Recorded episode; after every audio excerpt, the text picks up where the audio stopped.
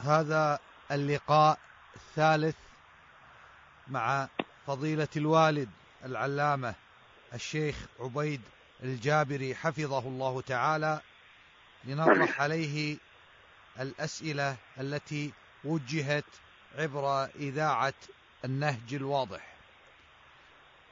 السؤال تفضل على بركة الله السؤال الأول حفظكم الله شيخنا يسأل سائل فيقول هل يجوز أن يضع الشخص ما يطلق عليه اليوم بالواسطة للحصول على منصب في دائرة حكومية وهو مستحق لهذا المنصب أو لذلك المنصب؟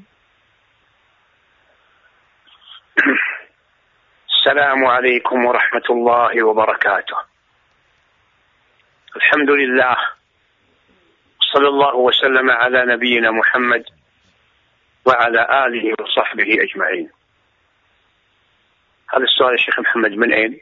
حددت حدد القطر والله يا شيخ ما كنت أخذ الأقطار ولكن في المرة والله الثانية ودي. أبشر. إيه ودي ودي نعم. أبشر. أما بعد فالجواب على هذا السؤال وهو السؤال الأول في جلسة الليلة التي أحدثكم فيها بما أحدثكم به مما يفتح الله به علي من الإجابة على أسئلتكم من خلال إذاعة النهج الواضح العامرة السلفية. فأقول وبالله التوفيق.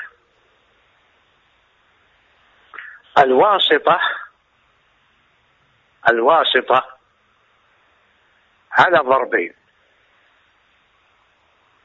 الواسطة التي ذكرت في السؤال على ضربين. أحدهما أن يكون أن تكون هذه الواسطة دفع لمن هو مثله أو أقوى منه. أعني في استحقاق هذه الوظيفة. فهذه محرمة.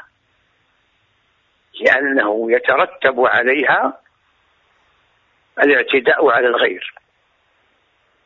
بأخذ حقه فهي من الرش فهي من الرشوة. التي لعن فيها رسول الله صلى الله عليه وسلم الراشي والمرتشي الثانية واسطة. ليس فيها أخذ حق غير.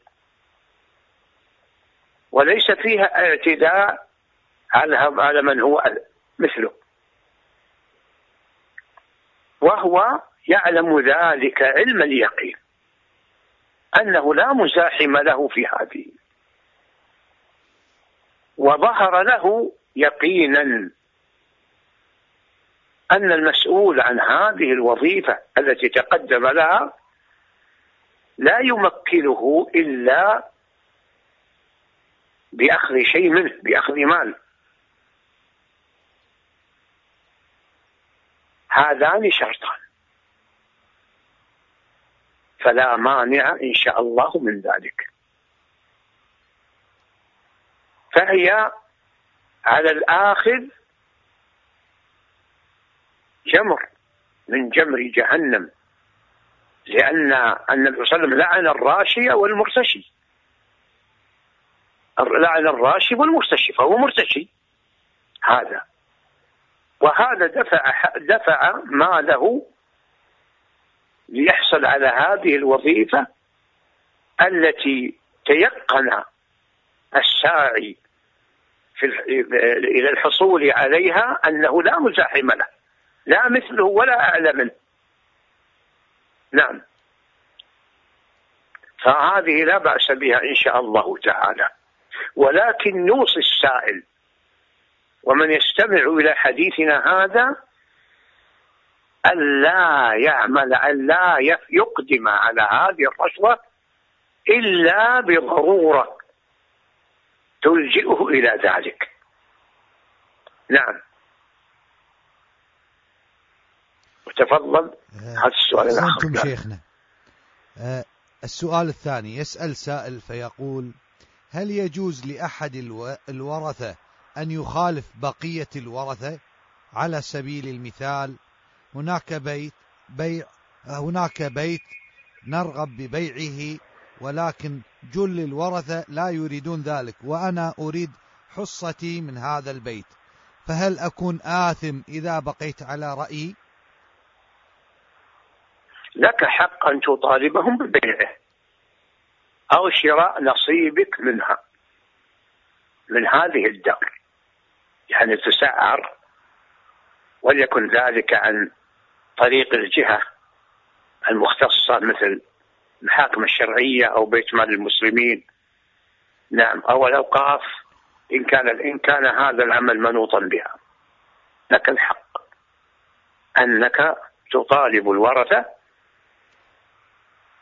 تطلب منهم أحد الأمرين إما أن يعرض للبيع. كما يقول وفق المزاد العلن العلني فتأخذ نصيبك. أو يشترونه وتأخذ نصيبك. إلا إذا كان هذا الدار لا مأوى للقصر الذين لم يبلغوا الحلم سواء كانت والدتهم والدتهم موجودة أو لا. ويتحقق الضرر ببيعه مثل تفريق هذه الأسرة أو التضييق عليهم بأنه بأن هذه الدار لا يرثون غيرها. فإذا بيعت تفرقت هذه الأسرة. أو أو كل أخذ مالا زهيدا وبقاؤهم فيه أفضل لهم وأسلم. ففي هذه الحال يا بني أو بنتي لا تلجأوا إلى بيعه. نعم إذا كان بيعه لا لا يلحقكم.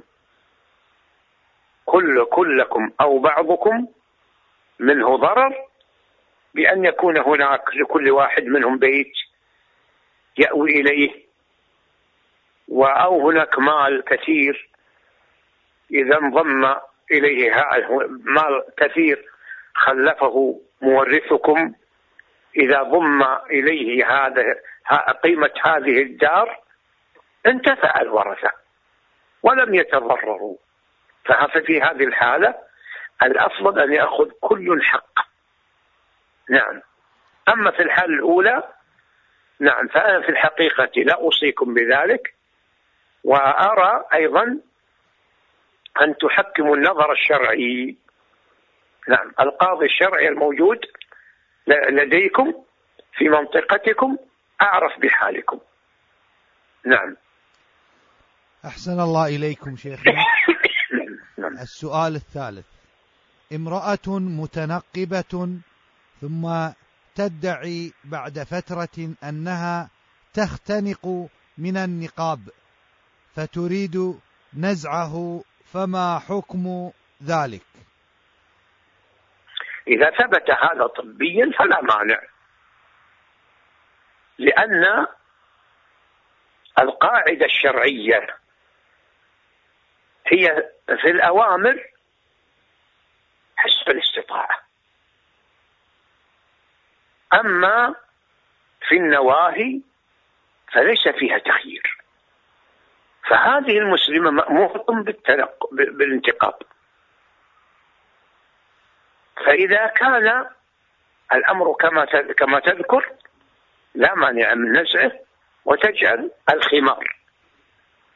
تجعل خمارا. طرف الخمار على وجهها. نعم.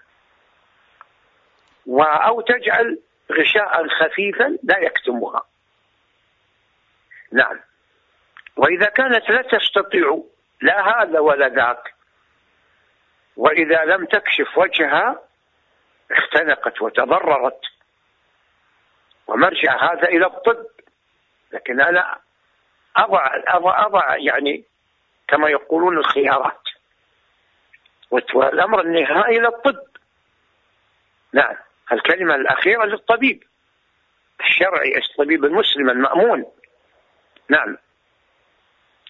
فإنها لا تختمر ولا تنتقد. قال تعالى لا يكلف الله نفسا إلا وسعها. وقال تعالى فاتقوا الله ما استطعتم. وقال صلى الله عليه وسلم ما أمرتكم به ما أمرتكم به فأتوا منه ما استطعتم. وقال ونعم وما نهيتكم عنه فاجتنبوه. فالنواهي ليس فيها مجال أبدا. نعم. فلا يقال لأحد لو قال مثلا أنا إذا لم أسرق مت. هذا ما هو صحيح. اسأل. اسأل إخوانك. كما تقول عما ترزق الله مع إخوانك. نعم. لو قال آخر أنا إذا لم أنا إذا غضبت بصري إذا غضبت بصري. نقول لا ما أمرك الله بهذا. أمرك أن تغض من بصرك. قد أموت. قل لا. كيفك؟ ما نبيح لك النظر إلى آه، ما حرم الله. نعم. نعم. فانظروا إلى حكمة الله سبحانه وتعالى. في نعم. في آية في آيتي النور. قال وقل للمؤمنين يغضوا من أبصارهم. ويحفظوا فروجهم. وقل للمؤمنات يغضضن من أبصارهن ويحفظن فروجهن. فالبصر مع أنه يعجز عن غضه بالكلية أمر سبحانه وتعالى بالغض منه. في الحديث الصحيح لا تتبع لا تتبع النظرة النظرة فإن ما لك الأولى وليست لك الثانية. فنظر الفجأة غير المتقصد لا مانع منه. والناس يلحظون هذا. فمن قال أنا رأيت فلان ومعه امرأته أو بنته أو أخته. وقال شخص أنت مخطي كيف؟ يجيب يقول ما أنا ما قلت لك أنا ما وصفتها لك. نعم أنا رأيتها. والمرأة قد تقول والله أنا رأيت فلان ومعه أخته فلانة أو معه بنته فلانة أو معه زوجته. لم يستطع أحد أن يحاجي يقول لا أنت ما غضبتي من بصرك. ليس يعني هذا تكليف. وأما الفرج قال في الرجال قال ويحفظوا فروجهم. والنساء قال ويحفظن فروجهن. لأنه لا يعجز أحد عن هذا أبدا. نعم. تفضل. أحسن الله إليكم.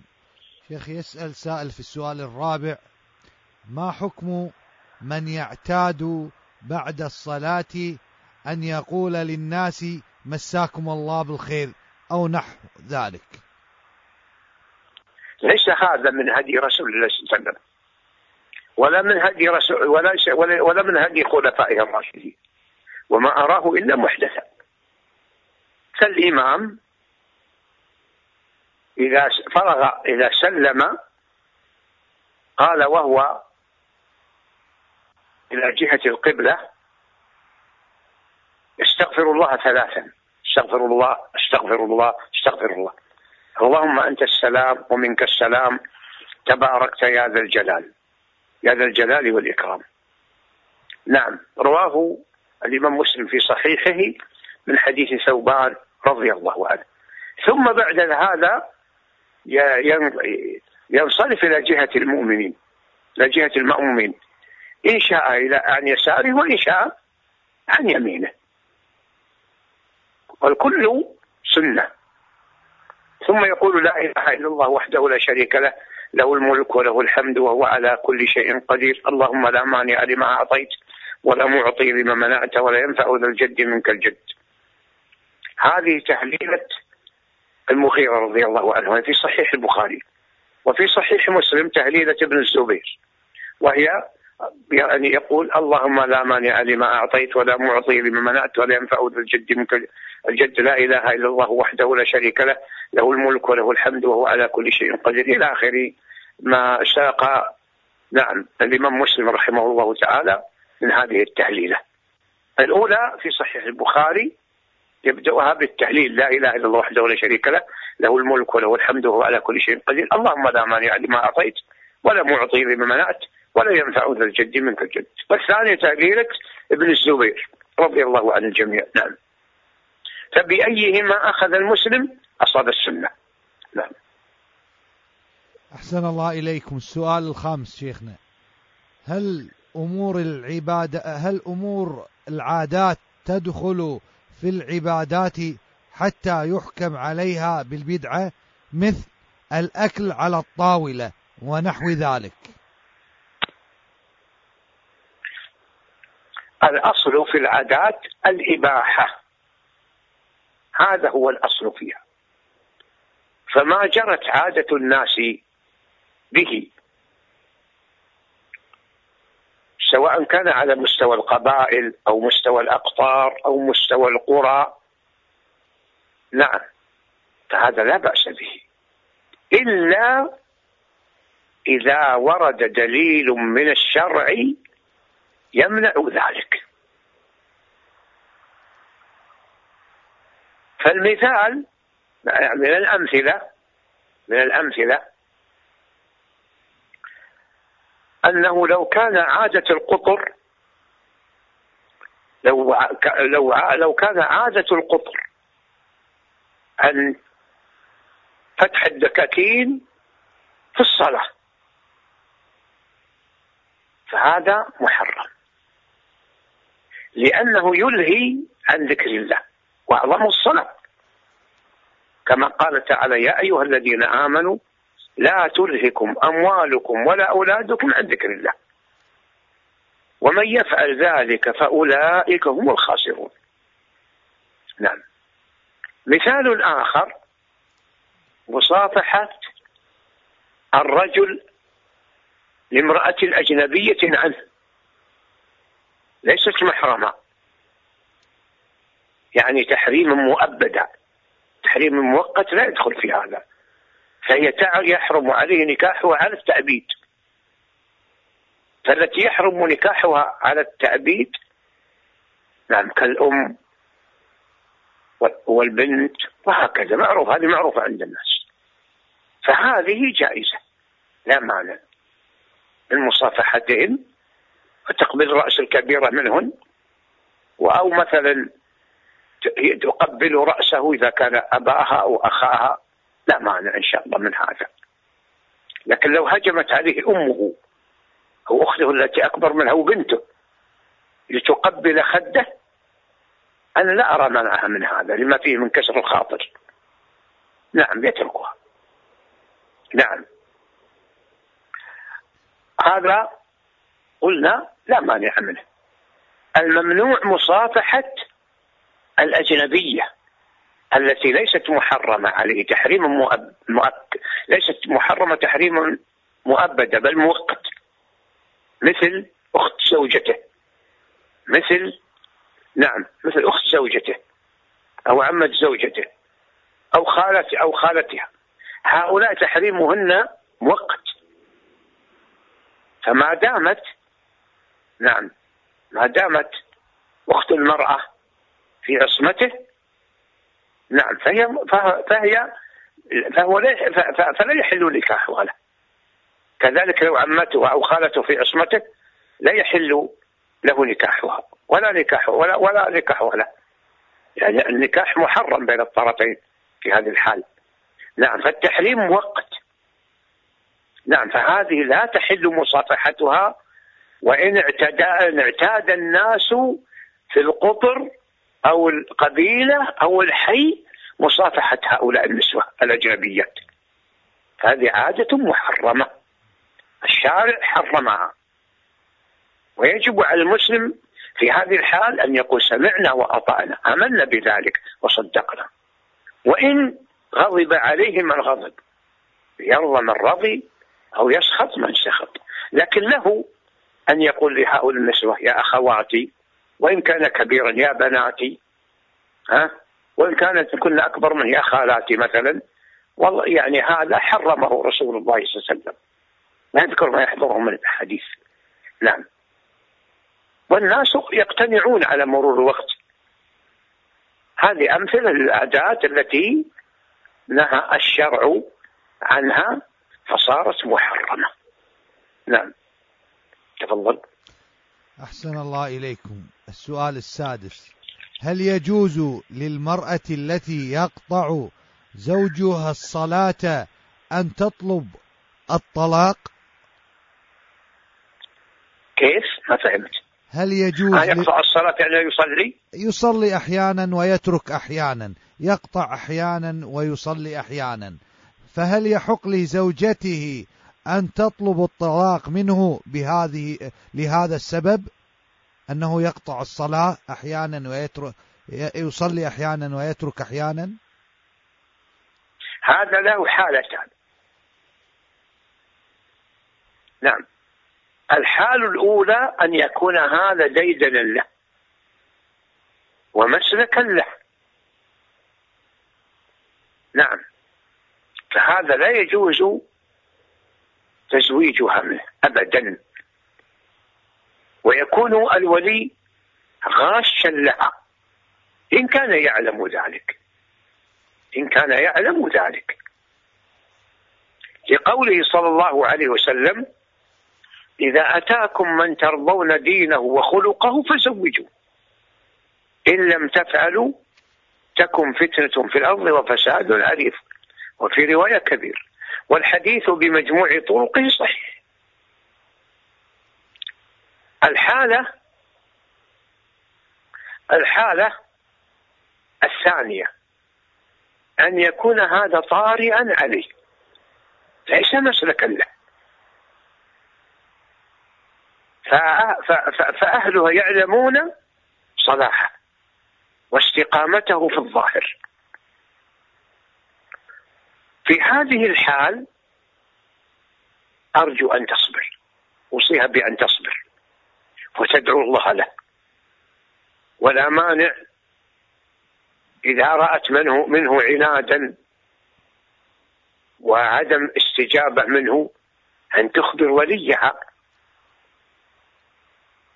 أبا تخبر أباها أو أخاها والذي وليها أو جدها تخبره بهذا. وإن كان كما يقول عندنا في إمارة في دول الخليج كلها يسمون أبا الزوج عما. كذا يا شيخ عندكم؟ نعم شيخنا. ويسمون أم الزوجة عمة. نعم وهي كذلك. هي كذلك. هو كذا يعني كل هكذا الزوجان كل واحد يلقب بأبوي الآخر بأنه عمه. كذا وأظن كذلك في الإمارات وفي قطر في جميع دول الخليج حسب علمي. نعم. وفي بعض ال... أو في بعض القبائل يسمون العكس. فيقولون مثلا لزوجة الأب لزوجة الأب خالة. وهي كذلك تقول لأبي زوجها خالي. لكن هذه مصطلحات عرفية لا شرعية. ويسمون كذلك زوجة الأب يسمونها العمة. عندنا في بعض الأقطار وفي بعض القبائل وهي كسابقتها هذا مصطلح عرفي لا شرعي. من باب التوقير والتكريم في هذه الحال تخبر إذا كان كذلك أبوه أو أخوه الكبير لا يعلمون أنه لا يستجيب لهم ولا يقبل منهم تخبر وليها حتى يشد عليك. ويقول أنت طرأ عليك هذا الأمر. فلا بد أن تخضع. أن تخضع للرقية ترقيك عند الراقي الصالح. أو مثلا الطبيب النفسي. فإن مثلا ظهر شيء من هذا أو ذاك يعني من أحد الطبين الشرعي والرقية أو الطب الآخر وهو النفسي أنه سليم فلها الحق. في طلب الطلاق. لكن يجب أن تثبت هذا عليه قبل أن تذهب إلى القاضي الشرعي. فهو الذي ينظر في القضية فإذا ثبت عليه هذا وأنه معاند وأنه ترك الصلاة وصار يتلاعب في الصلاة نعم نعم. وأن هذا ديدن له أو غير ديدن لكن ابتلي بالشيطان. نعم لأن أحيانا قد يكون هذا ديدن له لكن لم, لم يعلمه أحد. نعم سواء كان طارئا بعد التيقن من صلاحه للزواج من هذه المرأة. نعم أو كان قبل ذلك ولم يكتشفوه إلا بعدها. الأمر واحد. فالقاضي سيفسخ الطلاق سيفسخ النكاح. رضي أم سخط؟ وليس ولا ولا ولا وليس لها عليه وليس له عليها شيء أبدا. بل عليها نعم إذا كان معه أولاد عليه هو النفق. عليه النفق. نعم. وتفاصيل هذا موجود في غير هذا الموضع. نعم. أحسن الله إليكم. السؤال السابع شيخنا. يسأل سائل فيقول إذا صليت منفردا ثم أتى رجل آخر فتم بي فهل يصح هذا الفعل منه؟ نعم. هذا الصحيح وصلاتك صحيحة وصلاته صحيحة. والدليل على ذلك حديث ابن عباس في الصحيحين أنه بات عند خالته ميمونة. رضي الله عنها في ليلتها. يعني ليلتها من قبل النبي صلى الله عليه وسلم. فذكر أن النبي صلى الله عليه وسلم ذكر القصة وفيها أنه لما قام الرسول صلى الله عليه وسلم يصلي انسل. ثم توضأ فوقف عن يساره. يصلي معه. فأحاله النبي صلى الله عليه وسلم داره إلى أن جعله عن يمينه. شاهد منه لسؤال للجواب على سؤالك إقرار النبي صلى الله عليه وسلم عبد الله بن عباس رضي الله عنهما وابن عمه على صنيعه وأنه ائتم بالنبي صلى الله عليه وسلم في صلاته وكان يصلي نافلة في بيت زوجه ميمونة رضي الله عنها. والقاعدة العامة أن ما صح في النافلة أو ما ورد في النافلة من السنة فهو عام. يشمل يشمل الفريضة يشمل الصلاة الفريضة المفروضة المكتوبة ويشمل كذلك النافلة. نعم. لأن الأصل العموم الأصل العموم. فما كان في النافلة جاز في الفريضة. نعم. ولا يقال العبرة بعموم اللفظ ولا يقال هذه قضية عين. لا. بل القاعدة الأصولية العبرة بعموم اللفظ لا بخصوص السبب. فبان أن التخصيص لا بد له من دليل. فقضية دعوى أنها يعني قضية عين هذه دعوى باطلة. نعم. يسأل سائل في السؤال الثامن فضيلة الشيخ أبي بائع مجوهرات وهو يتعامل في تجارته بالربا فما حكم السكن في منزله؟ علما أن هذا المنزل بني من هذا المال؟ لا يخلو أبوك. أصلح الله حالنا وحاله. من حالين إحداهما أن يكون ماله كله من الربا والعهدة عليك أنت. ماله كله من الربا. أو من خليط آخر محرم. مثل بيع خمر بيع بيع خنزير. نعم. أو أشياء نجسة. فالحاصل حاصل الحالة الأولى أن يكون ماله كله من الحرام من الربا أو غيره. ففي هذه الحال لا تواكله. ولا لا تواكله ولا تشاربه ولا تسكن. إلا إذا كنت مضطرا لمساكنته أو مواكلته أو مشاربته. وأنت معدوم الدخل ما عندك شيء. نعم فلا مانع حتى تجد غنى فبقدر ما تجد من الغنى مثلا إذا وجدت ما يغنيك عن طعامه وشرابه يعني الذي يشتريه شرابا فاستغني لا تواكله وابقى في السكن نعم وأسأل الله في هذه الحال أن يهيئ لك المخرج ويهدي أبيك للصالح من الأقوال والأعمال. الحالة الثانية أن يكون ماله خليطا من حلال وحرام ولم يتميز الحلال. لكن أنت تعلم أن ماله خليط. من هذا وهذا. فلا مانع. نعم. وننصح أباك أن يتوب إلى الله سبحانه وتعالى مما من الربا. فإذا تاب منه وتخلص منه نعم.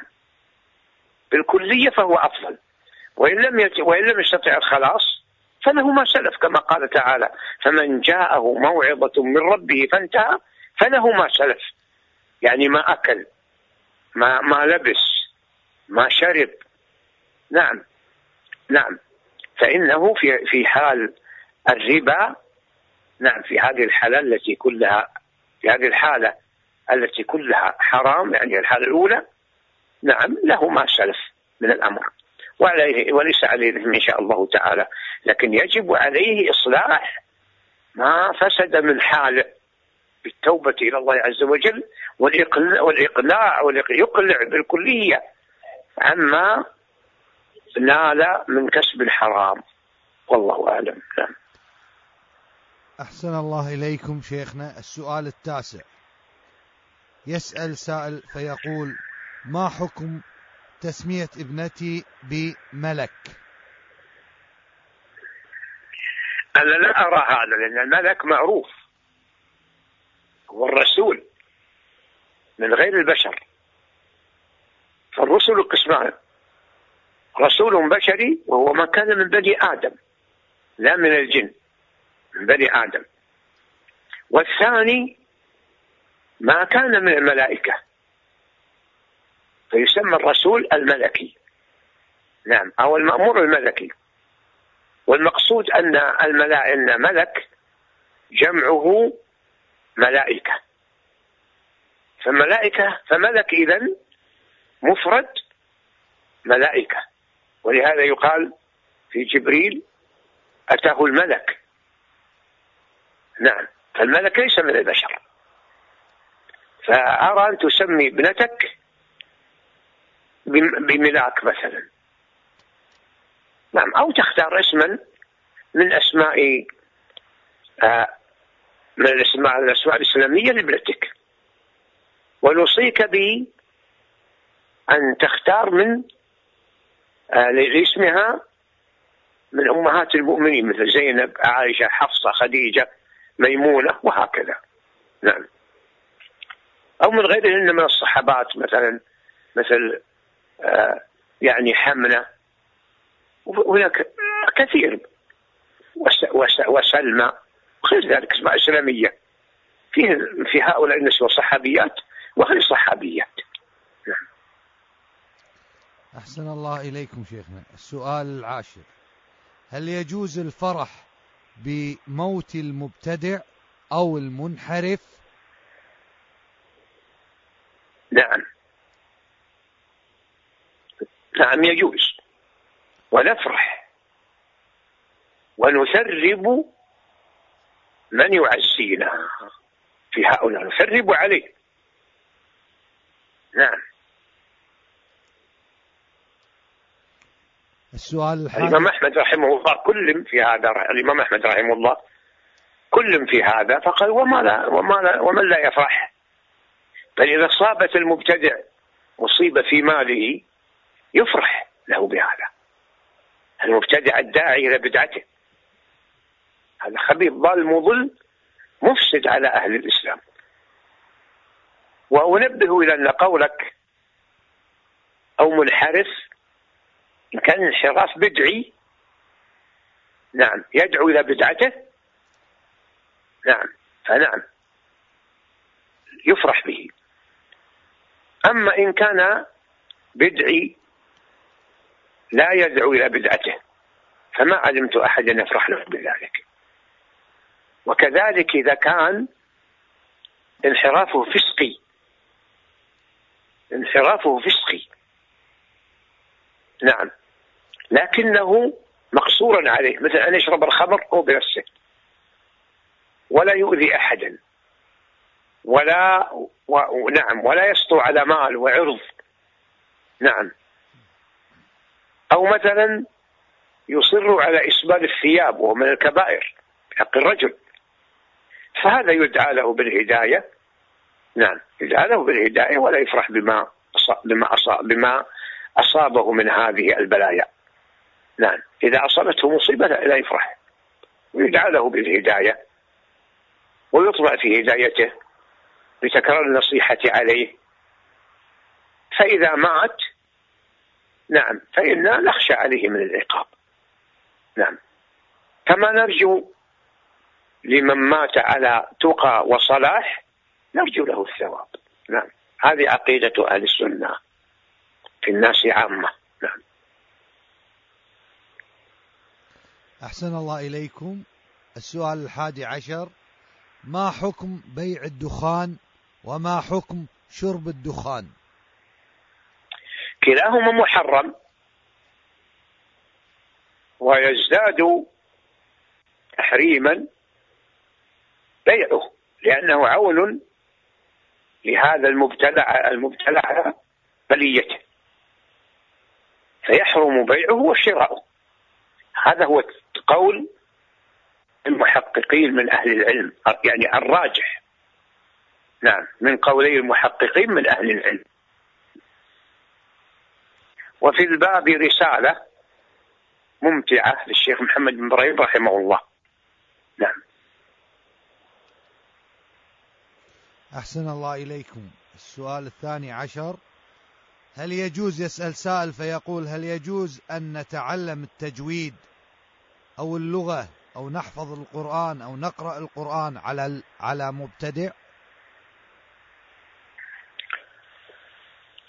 أعلم من هذه السلف رحمهم الله تعالى أنهم لا يحبون سماع القرآن من أهل الهوى قال أخشى أن يدخل علي. ومن هنا أقول إذا كان هذه إذا كان ما ذكرت يوجد من يعلمه ويتقنه ويحسنه من أهل السنة في قطركم. فاطلبوا. نعم. مع أن التجويد يكفي فيه أن تتعلم إعطاء كل حرف حقه. نعم. من إدغام من إخفاء من إظهار من قلقلة معروفة عند أهل العلم. ولا ولا يعني آه، يتوغل فيه ويتعمق. نعم. والله أعلم. أحسن الله إليكم. السؤال الثالث عشر. هل يطلق لفظ الاحتكار على السلع الكمالية كالملابس والأدوات الصحية والأدوات الكهربائية أو المنظفات؟ أم الاحتكار فقط في قوت القوم؟ الذي أستحضره وأنا بعيد العهد بالنظر في هذه المسألة مسألة الاحتكار. أنه ممنوع فيما تدعو حاجة الناس إليه فضلا عن الضرورة. وإذا وجد صاحب سلعة صاحب سلعة محتكر ما الناس في حاجة إليه؟ ولا يستغنون عنه فلهم أن يرفعوا أمره للحاكم والحاكم يمنعه في هذه الحال. نعم. أحسن الله إليكم. السؤال الرابع عشر. يقول السائل أتيت إلى كندا لإكمال تعليمي وللحصول على شهادة الدكتوراه ونيتي إيجاد فرصة عمل في المملكة العربية السعودية حفظها الله. للجلوس إلى العلماء. ومن خلال دراستي قدمت للحصول على الجنسية الكندية. فما رأيكم بفعل هذا؟ هذا لا يخلو يا بني من حالين. الحال الأولى أن تتمكن من هذه الدراسة دون أن تضطر إلى الجنسية الكندية. وينضاف أمر آخر بأنه لا يتاح لك هذا العلم في غير كندا. فهذه حالة ضرورة. نعم حالة ضرورة. ونيتك طيبة فيما أظهرته من سؤالك. نعم أنك لا تقصد موالاة الكفار. لكن نوصيك أنك إذا استغنيت أن تلغي الجنسية الكافرة سواء كانت كندية أو أمريكية أو بريطانية أو روسية أو غيرها من دول الكفر في المعسكرين الشرقي والغربي نعم. أو في خارجهما مثل دول أمري... دول أفريقيا الكافرة. الحالة الثانية أن يكون أمرك متيسرا دون أخذ الجنسية الكندية متيسرا دونها وأن العمل إن شاء الله متاح لك في السعودية وغيرها من دول الإسلام. هذا شرط. نعم. والأول الحالة, في الحالة الأولى أن أن كندا لا تمكنك إلا بالحصول على جنسيتها وكذلك الدول الأخرى. فلا تلجأ إلى الجنسية الكندية. نعم. سم الله عز وجل. نعم. واستعن, واستعن به واستعن عليه واستعن به سبحانه وتعالى على قضاء حوائجك وتيسير أمورك. وأذكرك بقوله صلى الله عليه وسلم وهو يوصي عبد الله بن عباس رضي الله عنهما في حديث طويل واعلم أن النصر مع الصبر وأن الفرج مع الكرب وأن مع العسر يسرا. والله أعلم. نعم. هات. السؤال الخامس عشر شيخنا يسأل سائل فيقول هل يجوز لي كأب تأخير زواج ابنتي بسبب مصلحة الكفاءة بالنسب؟ وهل يصح للأب كذلك تأخير الزواج لأسباب مصلحية للبنت؟ وكذلك يقول وهل هناك سن معين لا يجوز للأب تأخير الزواج لابنته؟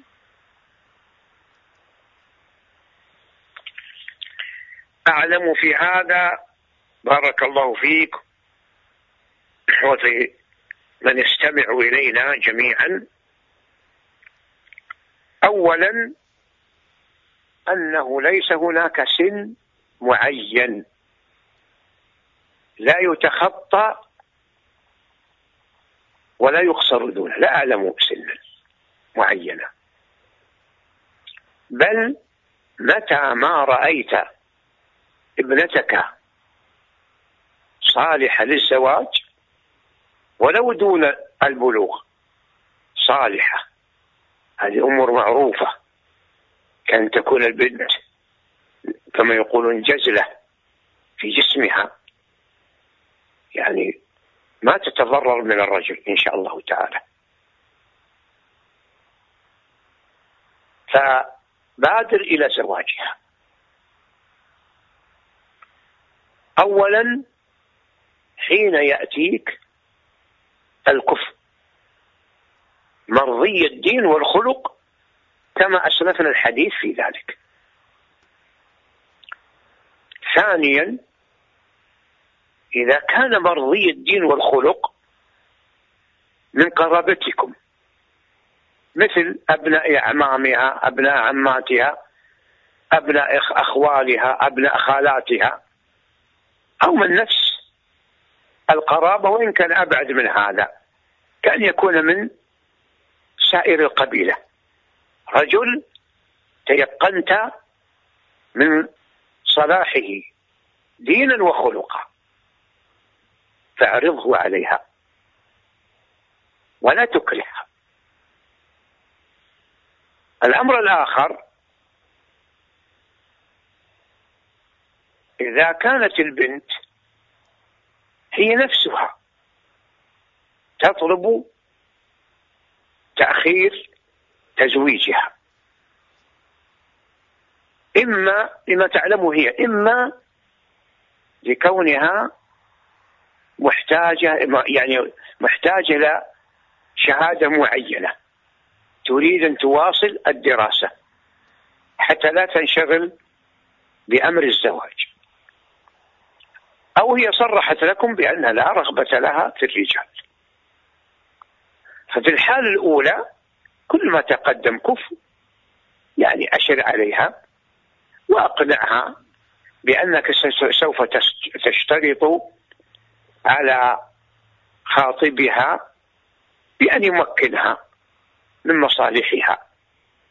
وهنا نحذر من الأعمال المختلطة والدراسة المختلطة فإن هذا لا يحل لا أبدا. وأما الحالة الثانية فلا مانع أن تذكرها ولو عن طريق أبها لأن قد يبدو, يبدو لها هي أعلنت في باكورة سنها بأنها لا رغبة لها في الزواج. ولم تبدي سببا لكن قالت لا رغبة لها. فكل ما كل ما هذا كل ما مضى وقت يعني عن طريق أمها لأن قد تستحي منك. اطلب منها أن تقنعها بقول مثل يا بنيتي كثر خطابك الأكفاء الأخيار فيما يراه أبوك. نعم. ولا تخافي من شيء. فإن أصرت نصح لها. لكن أنا أعلم وهذه وصية لبناتنا اللاتي يعرض عليهن الزواج من الأكفاء الأخيار الطيبين. في الظاهر أن تبادر إلى قبول أول خاطب. إذا من عيوب هناك خلقية هذا لمصلحتها. إذا كانت هناك عيوب خلقية تتعلق بشخصه ولهذا الشارع فإنه أباح. ولهذا فإن الشارع أباح النظر إليها ومنها كذلك. كما قال صلى الله عليه وسلم انظر إليها. نعم وأوصى كذلك. أن تنظر إليه لأن شيء يتعلق. قد يعزم الرجل وتقول سهل الله عليه لا أريد. وقد تعزم هي ويقول سهل الله عليه لست بعازم. نعم. وقد يعزم الطرفان. نعم. أضيف أقول الاستطراد أحمل يعني أحال بيني وبين الإكمال. أنا أعلم من حالات كثيرة مرت بي. بحكم يعني القرابة بيني وبين بعض الناس وبحكم الاتصال يوم كنت أجلس على الهاتف.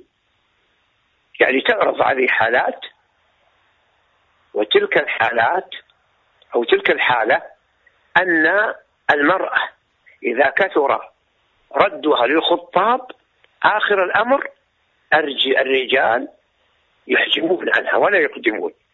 ويشيع ما لكم وما لفلانة كل من أتاها ردته. فبعض الناس يستخير ويحصل رضا به. وبعض الناس لا يستخير وبعضهم يستخير ويقول أطرق الباب ولا يضر. رضيت أو رضيت أو لا هذا من ربي سبحانه وتعالى. هذه فائدة الاستخارة. فأنا أوصي كل واحدة مسلمة. هذه وصية عامة سلفيات خاصة أن ترضى بأول خاطب. وإن كان لها شروط تعرضها على وليها. نعم. قبل العقد. والله أعلم. نعم. السؤال السادس عشر يسأل سائل فيقول إذا بقي على وقت صلاة الفجر دقائق أي على شروق الشمس وكنت جنبا فهل أتيمم لأدرك الصلاة؟ الجواب لا. فإن الطهارة شرط في صحة الصلاة. سواء كان الحدث أكبر وهو الجنابة في حق الطرفين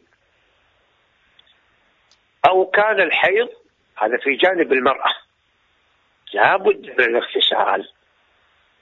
وإن كان الوقت بردا واحتيج إلى تسخين الماء سخن الماء حتى يمكن الوضوء أو الغسل نعم. ولا وهذا لا يضره. هذا منعه من الصلاة مانع في الوقت. نعم. والله أعلم. وصلى الله وسلم على نبينا محمد وعلى آله وصحبه أجمعين.